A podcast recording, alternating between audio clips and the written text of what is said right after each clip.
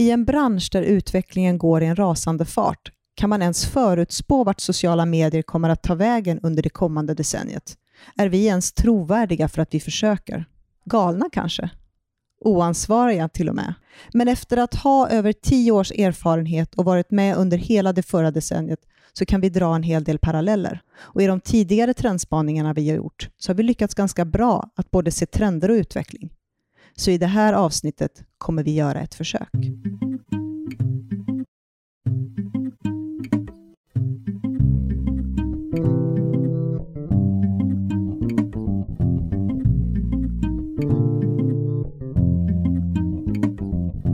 Hej! Det här är podcasten Social by Default tillbaka igen och precis som vanligt är det jag, Sara Larsson Bernhardt, som tillsammans med Deeped Niklas Strand driver den här podden. Vill ni kommentera avsnittet eller har idéer för framtida avsnitt Twittra till oss med hashtaggen socialbydefault eller prata med oss på vår Facebook-sida alternativt vårt Instagramkonto. Hej Sara! Hej Niklas! Hur börjar man det här att hitta tio år framåt? Vi pratade förra podden om de tio år som har gått. Mm. Och nu ska vi liksom titta i någon sorts framtida tucken. Vi kanske ska börja från slutet egentligen. Mm. Kommer vi sitta här 2029 och prata om sociala medier? Alltså, svårt. Vi har ju haft den här diskussionen genom åren, om det ska kallas medier eller om det ska kallas sociala. Och både du och jag har ju varit ganska överens om att just dialogen är så otroligt viktig på de här plattformarna, att man tappar den om man skulle kalla det medier. Om vi sitter om tio år och pratar om sociala medier så hoppas jag den sociala biten fortfarande är kvar. Mm. Men frågan är om vi kommer göra det. Jag har ju väldigt svårt att se att när vi en gång har börjat att integrera och infusera socialt i egentligen all kommunikation, Mm. att vi plötsligt skulle sluta med det. Det känns liksom lite sådär, klart att det kommer fortsätta, men om vi har pratat mainstream i några år så är det någonstans att det, det går så totalt in och blir det som är det självklara sättet att kommunicera på massa olika sätt. Och därmed sociala medier blir inte något speciellt, något som man så att säga nödvändigtvis tänker som en egen entitet utan faktiskt det som vi gör reklam, vi kommunicerar, vi informerar och samtidigt så också umgås och skapar relationer med andra på. Mm. Några saker som vi kommer ta upp i det här avsnittet handlar ju faktiskt om att en del av den sociala aspekten börjar försvinna lite grann. Vi kommer att prata om att likesen eventuellt kommer försvinna från Instagram. Vi kommer prata om bottar och då är det inte vi som människor som är sociala utan att det faktiskt är AI och robotar som börjar ta över den rollen.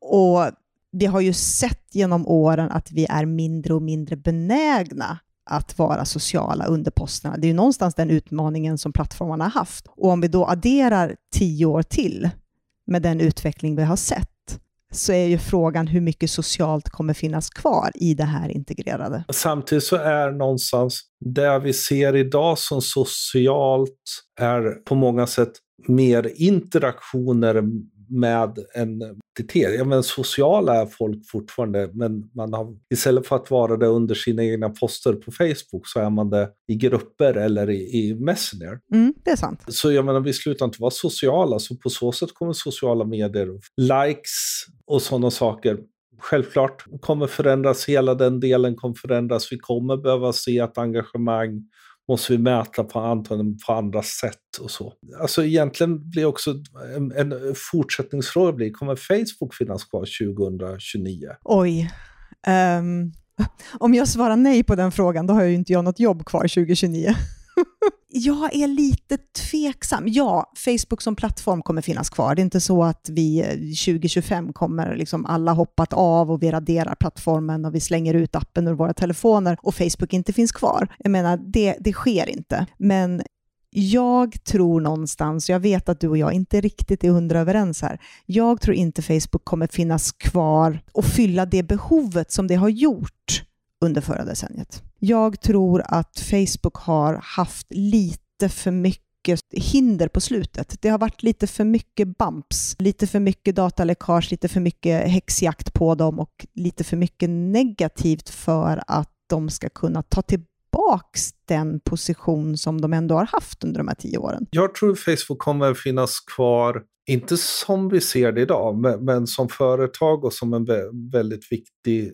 spelare i både media och i väldigt mycket mer av vårt liv. Och det kommer vi prata lite mer om sen därför att även om vi har haft de här dataläckorna, även om så att säga, var och varannan typ försöker hela tiden förespå Facebooks död, att man ska delita Facebook och så, så händer det ju inte. Nej, men vi ser också att vår egen användning minskar. Vi drar oss mycket mer ut i grupper, vi drar oss mycket mer till Messenger, vi är mindre och mindre aktiva på timelinen. Och det här har vi ju sett ganska markant under de senaste tre åren egentligen. Och om utvecklingen fortsätter så här, så tror jag att de kommer ha stora problem. Eller så är det så att jag menar, Facebook håller på att bli kanske inte där vi öppet hela tiden är sharing is caring, vilket ju är väldigt sorgligt. Men istället blir det ett väldigt grundläggande där vi skaffar oss lite koll på både ditten och datten. Mm. Och där så att säga, medierna kommer integreras mycket mer.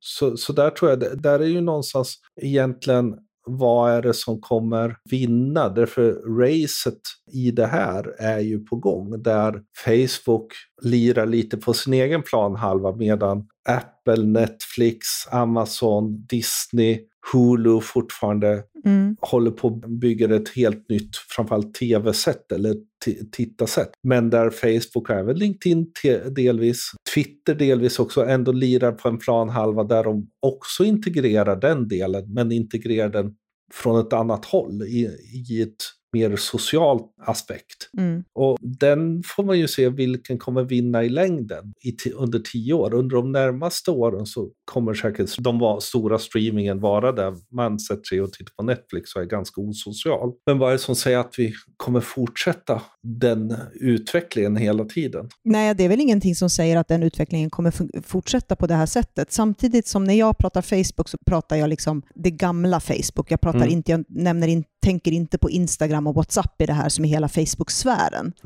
Men jag tror ju att Facebook som vi ser det idag med en timeline, med massa företag som gör eh, innehåll, med vänner som delar och så, den stora eran tror jag någonstans har pikat och vi är på väg åt någonting annorlunda. Och en farhåga jag ser i detta är ju någonting som du och jag har pratat om tidigare, om liksom founders dilemma jag tror att om Facebook ska kunna utvecklas på ett sätt att de bibehåller det behovet som vi har haft tidigare med att koppla ihop oss och dela och så. Det är där som vi kan hitta på WhatsApp och vi kan hitta det på Instagram och vi kan hitta det i andra communities som både ligger nära Facebook-sfären men också utanför. Så tror jag att de behöver reinvent themselves. Och för att mm. kunna göra det så tror jag att Mark Zuckerberg behöver kliva åt sidan. Det tror jag också, eller framförallt så har de har ett stort problem Founders Dilemma. Mm. Och jag tror också de måste förändras. När försvinner Facebook har ju varit en stående fråga under de gångna tio åren.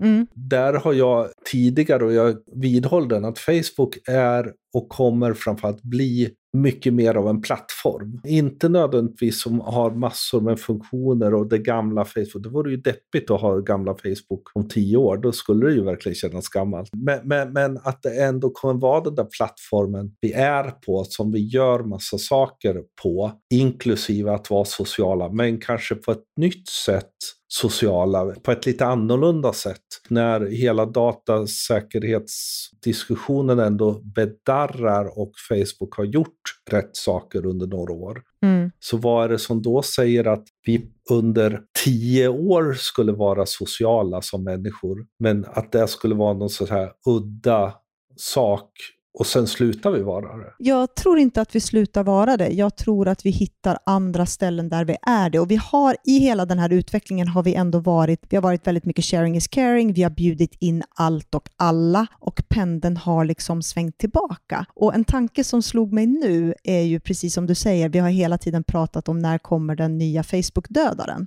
Det kanske är Facebook som är sin egen Facebook-dödare. Om de inte förändras? Facebook är nog sin egen Facebook-dödare, men de kommer döda sig själva för att bli så att säga, den nya Facebook. Mm. I det här fallet just att den är en plattform. Alltså, du loggar in på Facebook, men du kommer antagligen på ett mycket mer sömlöst sätt. Antingen vara på Instagram eller på WhatsApp eller på något annat de köper eller innoverar. Mm. Du kommer spela spel som du redan har gjort, men vi kommer se liksom att motsvarande som Stadia, som Google gör med Stadia, kommer självklart kommer Facebook göra något liknande. Och sådana saker. Och där blir det att det vi förstår Facebook är idag kommer självklart inte vara Facebook om tio år, men det kommer finnas, så att säga, legacyn kommer hela tiden finnas där. Och jag är ganska säker på att jag kommer liksom titta på timehop om, om tio år och ha 22 år tillbaka som jag kan minnas vad jag, vad jag gjorde på Facebook. Men det kommer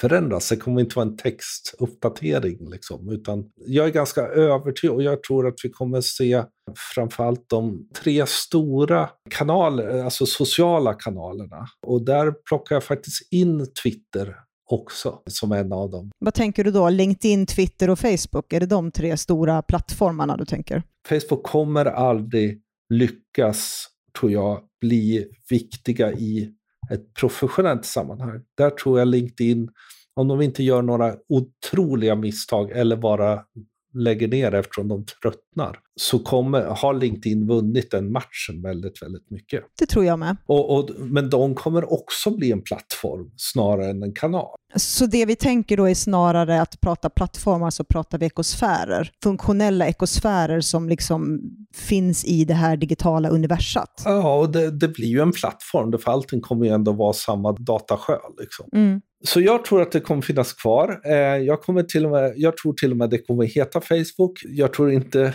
jag är rädd för att Mark Zuckerberg kommer också sitta kvar om tio år. Han tenderar att verka kunna klänga sig fast. Men jag tror inte de kommer försvinna. Och jag tror inte de kommer tappa i vikt, men däremot den, den vikten förändras. Om Mark Zuckerberg finns kvar om tio år, tror du Facebook finns kvar om tio år då? Ja, det Eller är det så att han är så kär i sin grundidé att det blir svårt att innovera tillräckligt mycket? Ja, fast det tycker jag ändå att man ser en massa utvecklingar och genom året att han är inte så egentligen kär i timelinen. För det har varit både hitten och ditten och datten och testat. Nya appar har liksom dykt upp som inte funkat men sen har det integrerats i det vanliga utan att någon har tänkt. Mm. Men jag, jag tror det egentligen skulle Facebook må bra av. Både han och Cheryl kanske måste inse att de får lov att avgå för att folk ska börja lita på Facebook lite mer. Mm. Ja, men där tror jag vi är rörande överens om faktiskt. För jag tror att uh, hur, hur kär jag än är i plattformen och har varit i plattformen, att de har en uh, trovärdighetsissue som de måste ta tag i. Och det kan hända att de två sitter lite i vägen för det faktiskt. Mm. Det intressanta blir ju också då vad kommer hända så att säga, med och det som du och jag gör. Ja, jag tror ju de, de kommande åren kommer det inte vara så stor skillnad. Alltså vi behöver ju hela tiden vara vaksamma och pivotera och utveckla. Jag tror att vi fortfarande kommer prata om, kanske inte sociala mediestrategier på det sättet, utan mer integrerade kommunikation och digitala strategier. Mm. Det tror jag att vi fortfarande kommer göra ett antal år framöver, precis som vi har gjort det om vi backar och tittar bakåt i tiden. Man behöver hela tiden ha en strategi och en plan för hur man ska få ett varumärke att växa. Men de kommer absolut inte se ut som de gör idag. Jag menar, vi har ju saker vi redan ser ske på plattformarna och vi behöver inte titta 9-10 år fram i tiden, utan vi kan titta redan under 2020, där vi vet att eh, med stor sannolikhet kommer likesen till exempel försvinna på Instagram och Facebook. Mm. Det har de redan testat och varit inne på. De vill inte hamna i en diskussion runt psykisk ohälsa. Det skulle inte gynna plattformen att hamna där också efter allt det som har hänt. Och det innebär ju att vi behöver förändra vårt sätt att mäta och titta och skapa engagemang. Och så här. Det här är ju små saker, men det här är ju någonting som kommer nu. Så det är nog den första stora förändringen jag tror vi kommer se redan början på nästa år. Hela den diskussionen har ju så otroligt många nivåer. Därför jag menar, dels så vill de inte komma i den här diskussionen. Dels så, så menar de då att de vill skapa eh, relevant och intressant plattform för människor att dela och därmed menar de att like-hetsen har missat det. För oss blir ju där lite det här att, ja, vad ska vi mäta då på? Jag menar, framförallt för dig och mig som ändå driver tesen att engagemang är viktigare än räckvidd. Mm. Och det här tycker jag är en svår balansgång, för jag menar samtidigt då som vi vet att likes föder likes och engagemang driver algoritm och räckvidd och allt sånt här, mm. Så ser vi ju också en minskad benägenhet av folk att faktiskt kommunicera och skapa kommentarer under. Det är lite beroende på plattform. Jag menar, tittar man på LinkedIn och nu kommer de inte plocka bort likesen i första läget eftersom de ganska nyligen satte dit möjligheten att... Reactions. reactions. Men, men där ser vi ju långa dialoger. Vi ser på Facebook i papperna långa dialoger, men väldigt lite under vanliga organiska postningar. Och samma sak ser vi ju på Instagram. Alltså det är inte så jättemycket dialog under Instagram-poster. Och där är ju frågan då, när likesen försvinner på då både Instagram och eventuellt Facebook, hur kan vi skapa innehåll som engagerar till dialog när folk mm. har ett ännu kortare intressespann? Ja, både intressespann och framförallt kommer vi lyckas göra det? Alltså, är företag kapabla att göra sådana saker? Det blir ju en utmaning. Mm. Absolut. Vi kommer ju behöva bli ännu mer personliga i vårt tilltal. Alltså vi kommer behöva bli så pass personliga att man någonstans glömmer bort att det är logotypen som pratar. Mm. Samtidigt som vi har varit inne på det ibland, ja, men vill man ha en sån personlig, liksom med en logotyp? Alltså här tror jag att startups kommer ha en, en otrolig fördel, inte bara för att de har liksom fötts ur den här eran, utan för att de redan från början har ett försprång i det personliga. Mm. Jag menar, ta ett gammalt trovärdigt stort varumärke, oavsett om det är ett industriföretag eller om det kanske är ett, eh, ett konsumentvarumärke. Det är svårare att tro på personligheten i det, mm. för man har så mycket i ryggsäcken. Mm. Här tror jag att vi kommer kanske se en vattendelare där startups och den typen av logotyper har möjlighet på ett annat sätt att skapa dialog, mm. medan det är kanske experter och influencers som driver väldigt mycket utav de gamla, stora, tunga varumärkenas kommunikation. Och det här har ju ganska många influenser gått igång på.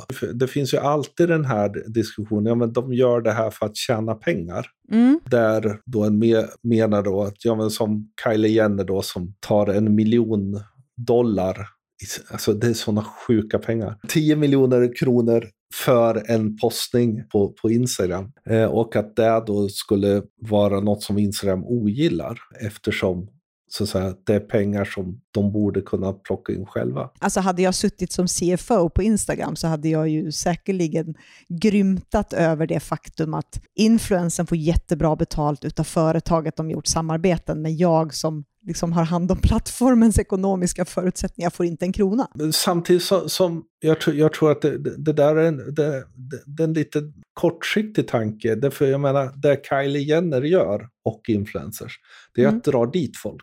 Väldigt många är ju kanske många gånger på Instagram för att följa sina influencers och inte kolla sina kompisar, därför det gör de på Snapchat av de yngre. Mm. Men utan det är ju en sorts underhållningskanal. Och, och då blir ju någonstans att om inte, om inte de kommer, eftersom Kylie Jenner inte tycker det är värt att göra det här, då kan ju Facebook inte sälja några annonser, därför det finns ju inga där. Så, så jag, jag tror att det här inte är fullt så enkelt att säga att vi förlorar massa pengar på att Kylie tjänar massa pengar. Därför hon drar ju dit som gör att så att säga, jag som då jobbar med performance marketing vill vara där, för där vet jag att målgruppen finns och jag kan se det. Fast om du drar den tanken hela vägen så vill de ju också att vi som är på plattformen ska skapa meningsfullt innehåll. Ja. Om man då bara gör innehåll av samarbeten, blir det trovärdigt meningsfullt innehåll eller blir man en reklampelare? Fast meningsfullt innehåll behöver ju inte handla om trovärdighet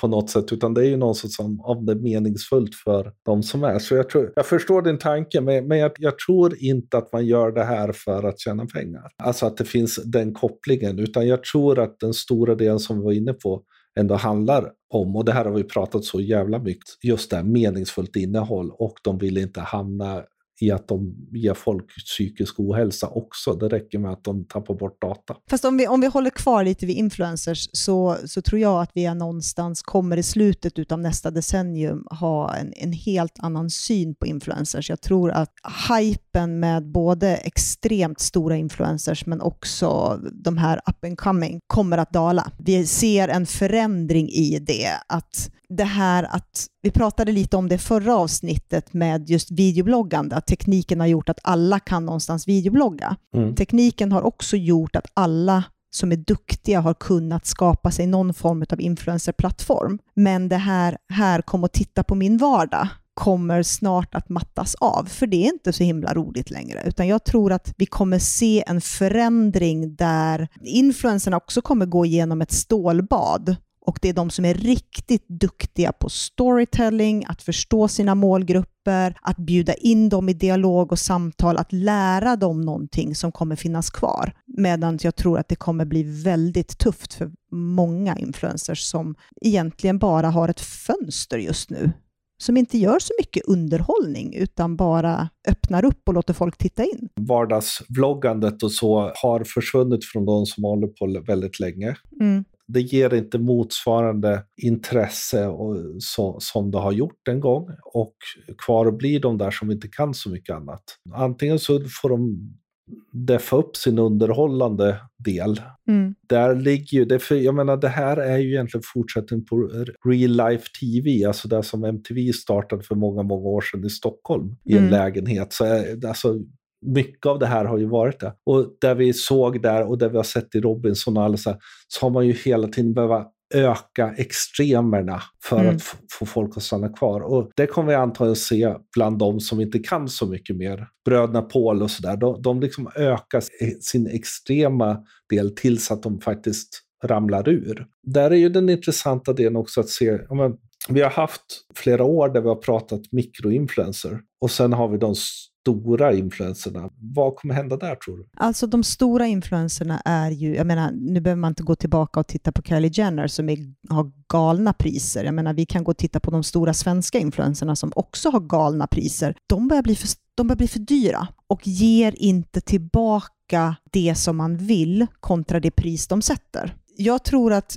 lite som vi har diskuterat innan, mikroinfluenserna eller mellanskiktet, de som verkligen har en mycket, mycket tätare relation till sina målgrupper, de kommer att vara intressanta för företag att göra samarbeten med. Längre samarbeten och fler. Sen har vi också sett att de riktigt stora influenserna, de börjar ju skapa sina egna varumärken, mm. sina egna produktlinjer. Där har vi Bianca Ingrosso, vi har Jon Olsson, vi har Janne Di, vi har ett antal som faktiskt har gjort det. Och då blir det ju svårt för dem att göra samarbeten. Och då slutar de att bli influencers. Då blir mm. de ju, går de ju över till att bli varumärken istället. På många sätt måste de alltså ska, skaffa sig egna influencers. Det, mm. det här är en ganska intressant... Peter McKinnon följer jag. De mm. som gillar foto och sådana saker följer garanterat Peter McKinnon. Han har gjort en sån här fantastisk utveckling som influencer.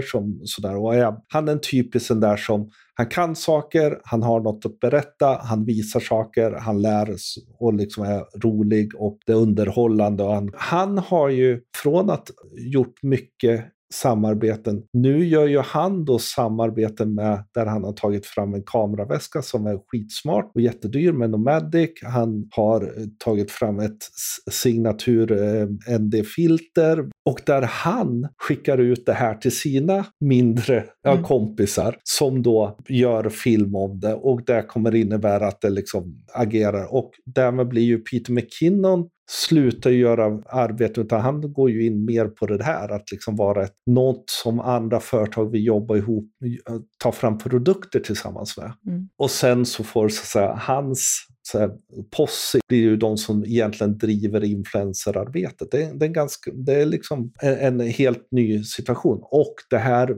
kommer ju självklart eh, konkurrera supermycket med vanliga varumärken. Mm. Och där, där, för där tittar man på Senormal och där Janni, Janni D då sitter i att hon har gjort väldigt mycket samarbete med olika varumärken, med klädvarumärken. Samtidigt mm. har hon mm. ett eget varu, varumärke, klädvarumärke nu. Och här behöver man ju återigen tillbaka till det här att vi behöver ju reklammärka överallt. Där är också frågan hur kommer det se ut i framtiden då om de både ska göra innehåll för sitt eget varumärke och vara ett varumärke och sen eventuellt ha samarbeten vid sidan om och då behöva... Och tittar vi lite på generation Z och vad de drivs av så är det ju snarare lite grann åt andra hållet faktiskt. Ja, delvis samtidigt som det här handlar ju ver verkligen om jag menar, trovärdighet. I det här fallet är det ju de här som har gjort det. Sen kanske det visar sig att det är bara fejk alltihop. Men, men det är ju fortfarande, jag tror ändå den trovärdigheten är, fortfarande blir högre än om H&M kommer med line och sen ger den till Janne D eller... Alltså oavsett vad som händer nu i framtiden eller i kommande decennier så kommer det ju alltid finnas influencers som jobbar med underhållning. Men fler och fler kommer snarare att behöva gå över till att bli mer nischade och mer ämnesfokuserade. Lite så kanske som vi ser business to business redan har börjat skifta emot, där experten är den som är mest trovärdig och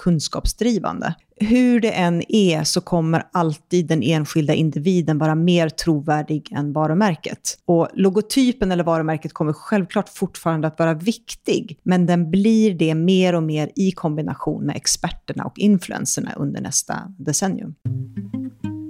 Och det är ganska intressant när man pratar trovärdighet och influencers, experter, varumärken att fundera över hur kommer vi under de kommande tio åren konvertera kunder, både när det gäller rena köp, eh, när det gäller hur egentligen den delen kommer ske, men också lead-generering, även när det inte är liksom du kan köpa en pryl, men, men det är ju fortfarande någonstans, vi skapar ju försäljning även om den är indirekt redan idag online. Men hur kommer det faktiskt se ut framöver? Om vi tar business to business, hur tror du det kommer se ut 2027, 2028? När, när vi liksom har gått en ganska lång väg? Alltså jag tror ju att det, det, blir mycket viktigare med experten. Jag tror att redan där vi någonstans är idag med social selling och de hjälpmedel som LinkedIn framför allt kan hjälpa till med om man betalar för dem, så kommer det bli väldigt viktigt att experten tar hand om de personer som interagerar och är sociala tillsammans och på den vägen liksom genererar och skapar de här leadsen. Jag tror att det kommer bli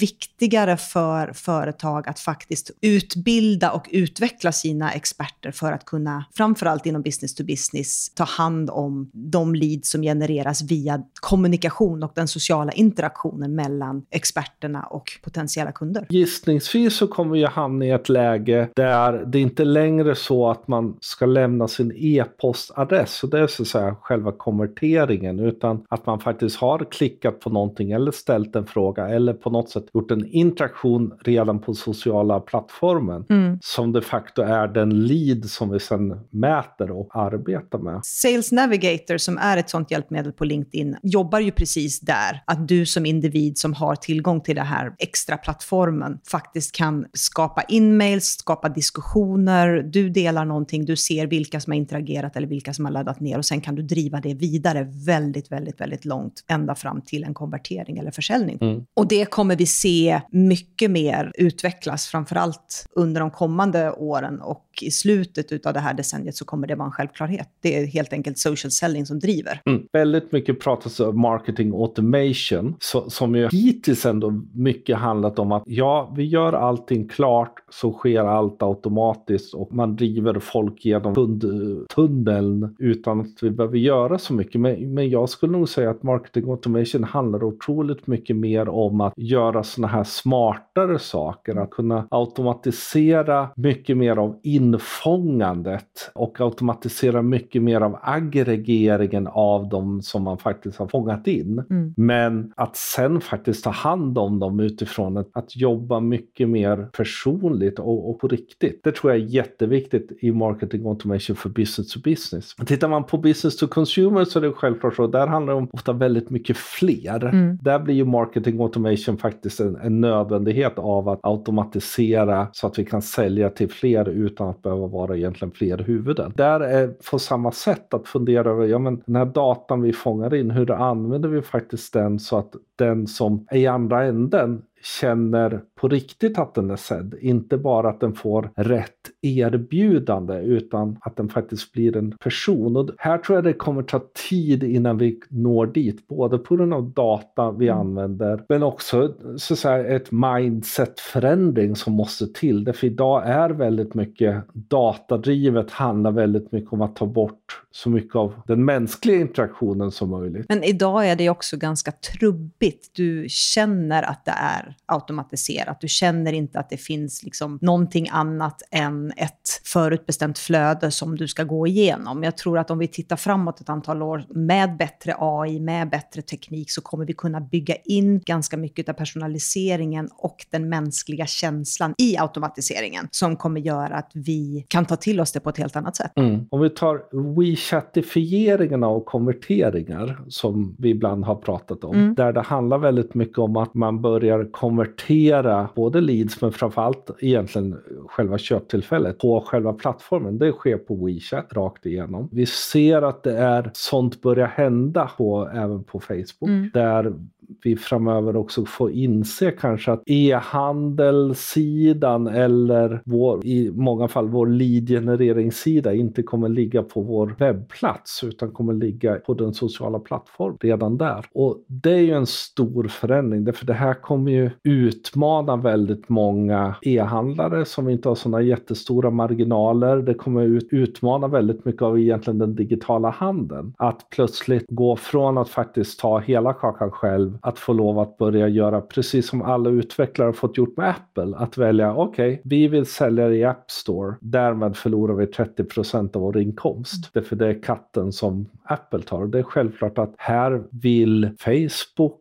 Twitter, Pinterest, alla de som har möjligheten att göra det här, gå in och göra köpen direkt hos sig för att så att säga tjäna pengarna i övergång. De har ju gjort några försök. Hur kommer det sig att vi inte har nått dit redan nu? Jag menar, vi har, vi har ju handlat på nätet ganska länge. Hur kommer det sig mm. att plattformarna inte har lyckats utveckla de här möjligheterna att, att köpa inne på plattformarna så vi har tagit till oss som människor? Vad är det som har gjort att de är sena på den bollen? Två saker tror jag. Dels vår egen vana. Mm. Vi vill gärna gå till någon sorts webbsida sida och det blir lite mer ungefär som att köpa i en affär som alla tyckte var så viktigt förut. Och sen då att ja, men det finns en webbsida. Men den kommer ju gå över. Den nya generationen tycker ju om ja, men det är väl jättebra och snabbt. Det är den ena. Den andra är ju någonstans att vi inte har haft transaktionsmöjligheterna. Nu har Apple Pay startat mm. som är väldigt utbyggt tillsammans med Samsung Pay som du använder överallt i och för sig. Men framförallt online. Apple har länge haft det genom hela Apple ID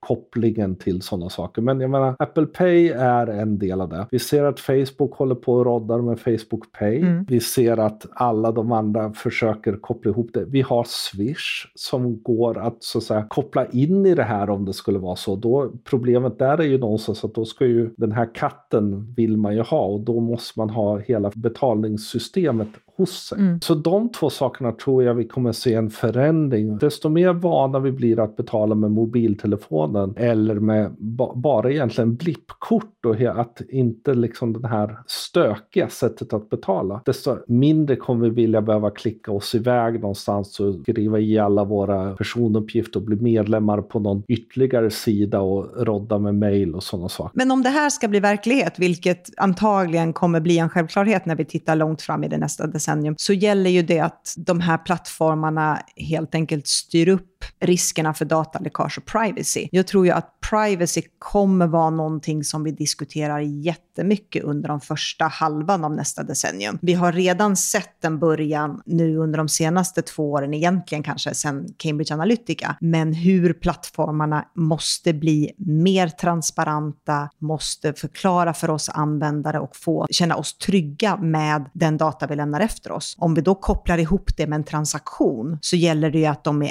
ännu tydligare med hur de säkerställer att vi faktiskt är trygga med både våra pengar men också den datan som finns på plattformarna. Här kommer ju självklart vara en av de stora svårigheterna för Facebook som just nu fortfarande har den, inte kanske den högsta trovärdigheten i världen. Och om vi då ska börja handla på den plattformen mm. så kommer det ju vara ett väldigt uppförsbacke. Men framöver tror jag också hela den här diskussionen kommer ju bedarra när man börjar förstå egentligen vad privacy och lite vilken data är det egentligen vi pratar om. Jag brukar ju säga att ju mer jag jobbar med köpt, mm. ju mindre oroad är jag för vad Facebook vet om mig eftersom ibland sliter man ju sitt hår över att man inte kan verka den där targeting-gruppen man verkligen vet det här är perfekt grupp. Nej, det släpper de inte igenom. Det är säkert så att de vet väldigt, väldigt mycket mer om oss som individer än vad de faktiskt tillåter oss användare eller administratörer eller köpare att se. För jag menar, det har vi ju sett innan att de vet mycket, men de har satt en spärr också för att vi som användare ska känna oss trygga. Vi kommer bara dela med oss utav det här. Eller så vet de faktiskt egentligen inte så mycket mer än data som egentligen är ointressant. Det, det är ju lite där någonstans, att vad, vad är värdet av data? Och den diskussionen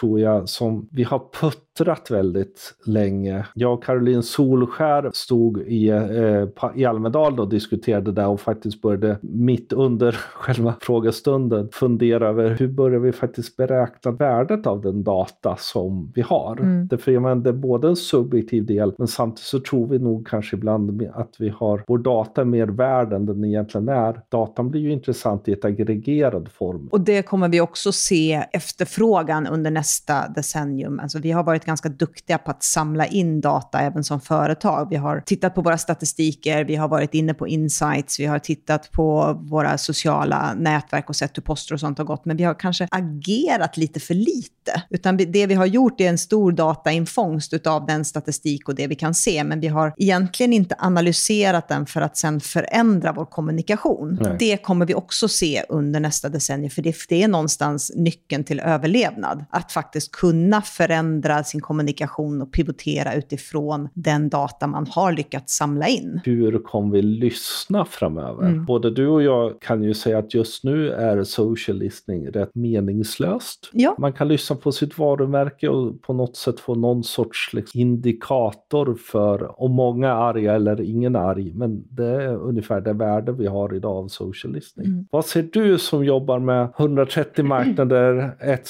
av Sveriges största varumärken? Vad tror du kommer hända av det här? Alltså hela social listening-biten, och det säger jag med lite sorg i hjärtat, var ju fantastiskt för ett antal år sedan. När det var mycket mer öppet, när api var mycket mer tillåtande för oss att faktiskt plocka upp vad enskilda individer pratade om. Efter Cambridge så vet vi ju att och vi har diskuterat det här innan, att api blev mycket, mycket, mycket slutnare och vi kan inte alls lyssna på samma sätt. Jag hoppas att vi kan hamna i ett läge där vi igen faktiskt kan få ta del av det som händer, inte bara i helt öppna konton, inte bara på andra sidor, utan faktiskt kunna i, i klump få en indikator på var saker och ting pratas om. Det kommer ju bli jätteviktigt för oss och alla andra företag som sitter i samma situation. Dels så måste det komma en renare data ut. Mm. Dagens social listening är väldigt mycket, man får någon sort möjligen aggregering. Ska man få analys så är det ofta egentligen folk som har suttit och analyserat, vilket man lika gärna kan göra själv. Det här hänger ju ihop med privacy-del. Mm. Det här hänger ju också ihop med självklart om Facebook eller Twitter eller vem det nu är också börjar starta försäljning så är det klart att de vill behålla den här datan. Ja. De är inte nödvändigtvis jättesugna på att den ska släppas iväg så att alla kan veta det. För det här blir ju en möjlighet för dem att bygga verktyg som förenklar, förbättrar, effektiviserar konvertering. Ja, och jag är lite splittrad här. För jag menar, självklart vill jag ha min privacy. Jag vill inte att varumärken och företag eller vad det nu är ska kunna se att jag är jag som individ. Samtidigt som jag vill ha det personaliserade. Jag vill ju mötas av det som är intressant för mig. För det är också så vi överlever som företag. Jag menar, skulle vi göra mainstream-innehåll som gick mot alla så skulle vi bli ganska ointressanta. Och där mm. har vi ju sett hur vi genom åren har behövt att lära känna våra målgrupper mycket mer för att personalisera innehållet. Mm. Så jag hoppas ju någonstans att vi kan komma tillbaka till det, för det vore, det vore synd att inte kunna leverera den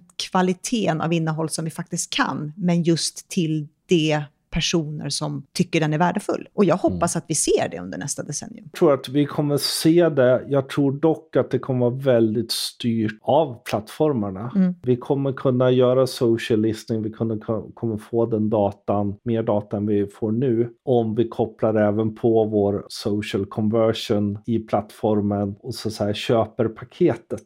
Liksom man köper tutti-paketet, det, det, stora paketet. Då har jag en, eh, en tankeutmaning till dig. Tror Tror du att om den här utvecklingen blir att du kommer hitta experter, du hittar inte en social media manager som sitter och roddar flera kanaler samtidigt, utan du blir expert på en kanal där du kan lyssna, lära och använda kanalen till fullo och att du faktiskt sitter och har en social media manager för Facebook, en social media manager för LinkedIn, en social media manager för Twitter eller var vi nu hamnar? Ja och nej. Och det här är en ganska intressant vända frågan. Vad kommer behövas framöver? Ja, men vi, vi brukar fråga vad behövs för den moderna marknads, framförallt sociala mediemarknadsdelen? Och det gäller fortfarande. Man behöver någon som kan se helheten och se framåt, förstå väldigt mycket. Man behöver folk som skapar innehåll, man behöver folk som optimerar, man behöver folk som faktiskt pratar, som mm. tar hand om.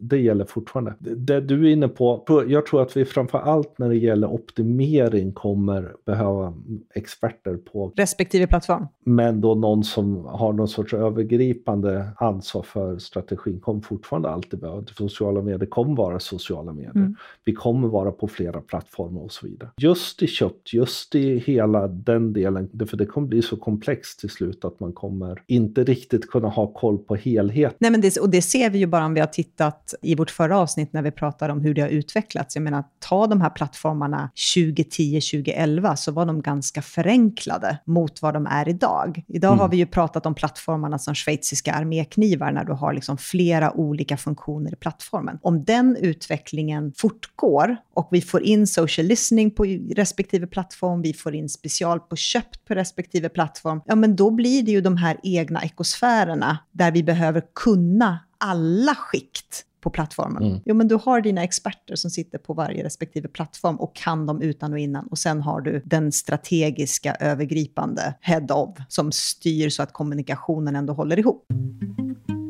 en sak som du var inne på redan när vi pratade marketing automation och lite, det, det är ju egentligen AI i socialt. Mm. Där vi inte alls är så speciellt långt om man tittar på vad en så säga, bot kan göra så är den extremt dålig än så länge på att kunna plocka upp och lä lära sig. Men självklart så kommer deep learning bli en del av de bottar och den, det AI som kommer finnas i då den här, de här plattformarna. Det blir ju ganska intressant utifrån det vi pratar om att ja, man kommer behöva experter, men antagligen så kommer en hel del vara så pass automatiserat att man också kommer kunna välja en hel del och då är det redan klart under. Mm. Jag tror ju att redan i första delen av det här decenniet så kommer vi se mycket mer första linjer på kundservice som använder sig av de botfunktioner och de AI-funktioner som faktiskt redan idag går att implementera på vissa av de här plattformarna. Sen tror jag, precis som du är inne på, att för att vi ska kunna använda dem fullt ut, för att kunna frigöra tid, så behöver AI bli något bättre och bottarna bli